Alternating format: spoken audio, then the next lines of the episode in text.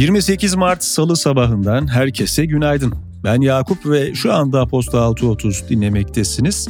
Bahar ha geldi ha gelecek derken bugünün yağmurlu geçeceği haberini aldık. Hava sıcaklığının da 8 ila 15 derece arasında azalması bekleniyor. Yine de baharın umudunu sürdürüyoruz. Güneşli günleri çok az kaldı. Bugünün bülteni BMW ile birlikte ulaşıyor. Çağdaş sanattan ilham alınarak tasarlanan yeni BMW 7 serisi Borusan Otomotiv BMW yetkili satıcılarında yerini almaya hazırlanıyor. Ayrıntılar bültende. Piyasalar ve ekonomi Reel kesim güven endeksi Mart'ta bir önceki aya göre 2,8 puan yükselerek 105,2'ye çıktı. TCMB tarafından yayımlanan verilere göre mevsimsellikten arındırılmış reel kesim güven endeksi ise 1,7 puan yükselişle 104,1 olarak gerçekleşti. Mevsim etkilerinden arındırılmış güven endeksi Mart ayında bir önceki aya göre hizmet sektöründe %1,1 artarken, perakende ticaret sektöründe %4,4 ve inşaat sektöründe %1,5 azaldı. TÜİK verilerine göre Mart 2023'te hizmet sektörü güven endeksi 116,8, perakende ticaret sektörü güven endeksi 117,7, İnşaat sektörü güven endeksi ise 88,5 değerini aldı. İmalat sanayi genelinde kapasite kullanım oranı Mart'ta bir önceki aya göre 1,7 puan azalarak %73,5 seviyesine geriledi. TCMB tarafından yapılan açıklamaya göre mevsimsel etkilerden arındırılmış kapasite kullanım oranı ise bir önceki aya göre 1,5 puan azalışla %74,2 oldu. Türkiye İnşaat Malzemesi Sanayicileri Derneği sektörün 2022'de yaptığı ihracatın miktar olarak bir önceki yıla göre %11'lik düşüşle 57,65 milyon tona gerilediğini aktardı. Aynı dönemde inşaat malzemeleri sanayisi tarafından gerçekleştirilen ihracat değeri ise %9,5 artışla 33,74 milyar dolara yükseldi. Çin merkezi hükümeti daha fazla harcamayı finanse etmek ve eyaletlerdeki borç yükünü hafifletmek için rekor düzeyde borçlandı. Bloomberg hesaplamalarına göre vadesi gelenler hariç bu çeyrekte satılan devlet tahvili miktarı 277 milyar yuan seviyesine ulaştı. İş dünyası ve finans Taşıt Araçları Tedarik Sanayicileri Derneği Başkanı Albert Saydam, Avrupa Birliği'nin 2035 itibarıyla üretilecek araçların karbon nötr olması konusunda anlaşmaya varmasına ilişkin acil adımlar atılması gerektiği konusunda uyardı. Saydam, eğer AB'nin bu son kararına uygun araçlar üretmezsek, AB'nin en fazla araç ithalatı yaptığı ülke ünvanımızı kaybedeceğiz ifadelerini kullandı. Tasarruf Mevduatı Sigorta Fonu'nun ihracatı geliştirme AŞ'ye 455 milyon lira karşılığı satma hazırlığı yaptı. Türk Ticaret Bankası'nın satışına elinde altın hisse olduğunu söyleyen Demokrat Parti Genel Başkan Yardımcısı Faik Tunay'dan itiraz geldi. Tunay, Türk Bankı 1913'te dedesi Hacı Adem İbrahim Beyzade'nin kurduğunu, o günden bugüne Türk Bank'ın altın hisse sahibi ortağı olduklarını belirterek dava açacaklarını bildirdi. ABD Federal Mevduat Sigorta Kurumu, İflasıyla küresel piyasaları etkileyen Silicon Valley Bank grubunun tüm mevduat ve kredilerinin First Citizen Bank tarafından devralınacağını bildirdi. Suudi Arabistan'ın ulusal petrol şirketi Saudi Aramco, Çin'in Norinco ve Penshin şirketleriyle ortak girişim altında Çin'de 300 bin varil üretim kapasiteli bir petrol rafinerisi ve bir petrokimya tesisi kurulacağını açıkladı. Credit Suisse'in en büyük hissedarı olan Saudi National Bank Başkanı Amar Al-Kudeyri yaptığı açıklamalarla CES hisselerinde tarihi çöküş yaşanmasına sebep olmasının ardından görevinden istifa etti. Politika Yeniden Refah Partisi lideri Fatih Erbakan, Cumhur İttifakı'na katılma kararına ilişkin biz ülkemizin yeniden CHP zihniyetine teslim edilmesine vesile olduğunuz suçlamasına muhatap olmak istemedik. Sayın Cumhurbaşkanı ile prensiplerde uzlaştık açıklamasında bulundu.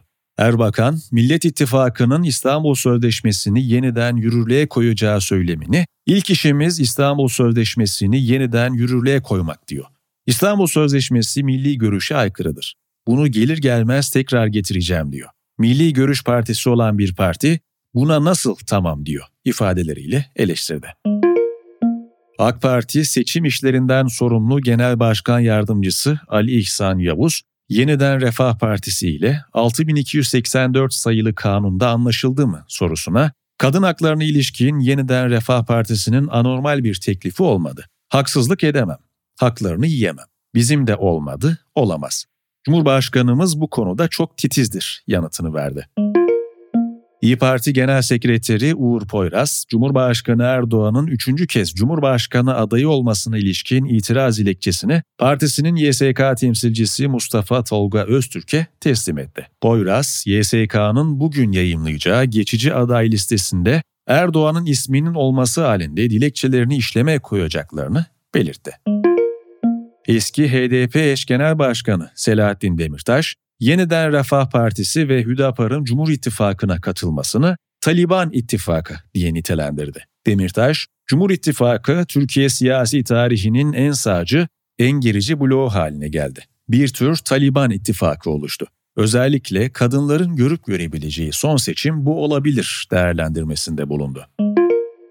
Seçmenler tarafından aday gösterilmek istenen Cumhurbaşkanı adayları için imza toplama süreci dün saat 20'de sona erdi. YSK Başkanı Ahmet Yener, 14 Mayıs 2023 Cumhurbaşkanlığı ve Milletvekili genel seçiminde Cumhurbaşkanı adayları Sayın Kemal Kılıçdaroğlu, Sayın Muharrem İnce, Sayın Recep Tayyip Erdoğan ve Sayın Sinan Oğan olmuştur açıklamasında bulundu. Kızılay Başkanı Kerem Kınık, TBMM Deprem Araştırma Komisyonu'nda yaptığı sunumda kendisine yöneltilen neden istifa etmiyorsunuz sorusuna Kızılay Genel Başkanı ve Yönetim Kurulu'nun istifası durumunda idari anlamda işlemler durur cevabını verdi. Kınık, Kızılay'ın çadır satışlarına ilişkin vatandaşın bağışıyla satılan bir çadır yok. Vatandaşa yönelik bir ticari satış olmamıştır, olamaz. Çadır satışından benim de Ahbap Derneği Başkanı'nın da haberi yoktu. Bana sorsalardı ah baba göndermeyin derdim açıklamasında bulundu.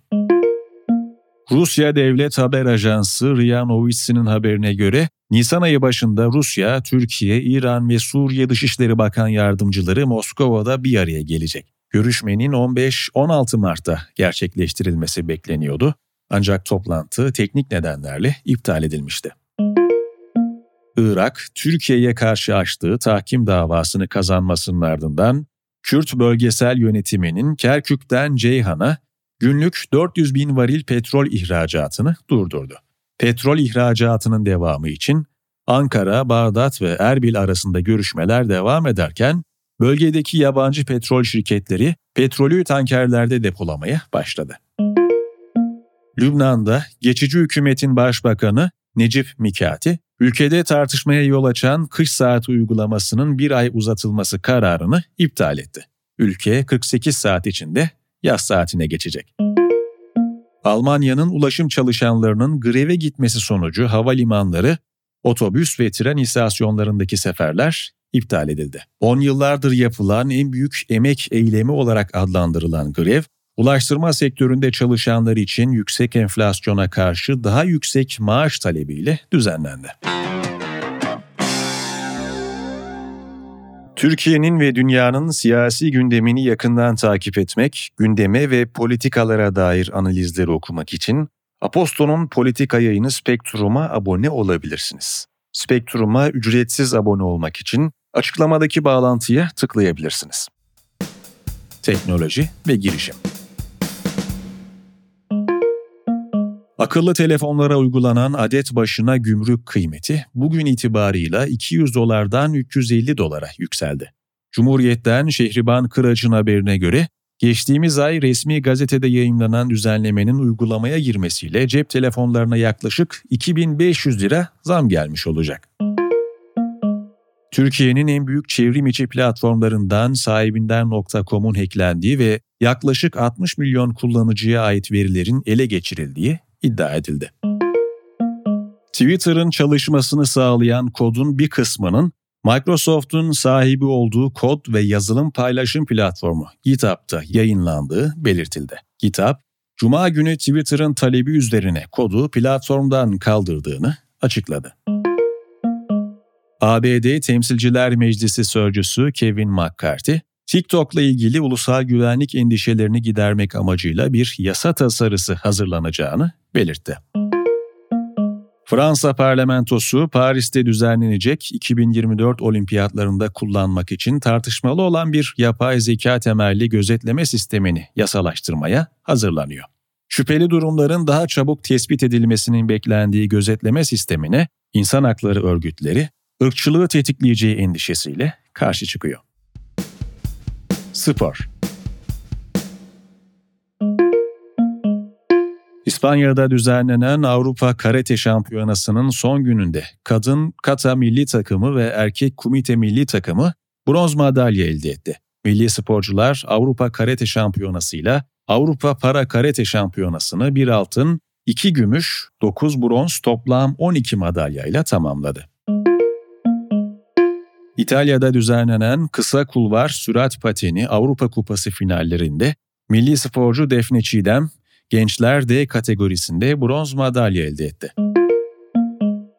Galatasaray, Azerbaycan ekibi Karabağ'ı 2-1 mağlup etti. Geliri depremzedelere bağışlanacak dostluk maçında 60 bin biletin tamamı satıldı. Alternatif gündem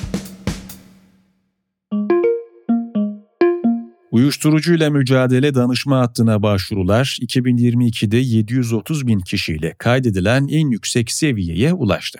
CHP Ankara Milletvekili Murat Emir, konuya ilişkin her yıl ortalama 60 bin kişi Alo 191'i ararken sadece son bir yılda Alo 191'den uyuşturucu ve alkol bağımlılığı için yardım isteyen kişi sayısı 730.114'e ulaşmış açıklamasında bulundu.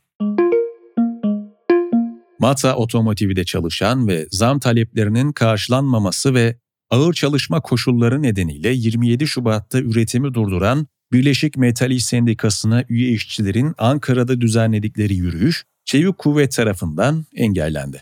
İşçilerin Çalışma ve Sosyal Güvenlik Bakanlığı'nın görüşme için randevu vermesiyle eylemlerini sonlandırdığı bildirildi. Görüşmenin bugün gerçekleşmesi bekleniyor. Tiyatro ve seslendirme sanatçısı Köksal Engür 77 yaşında yaşamını yitirdi.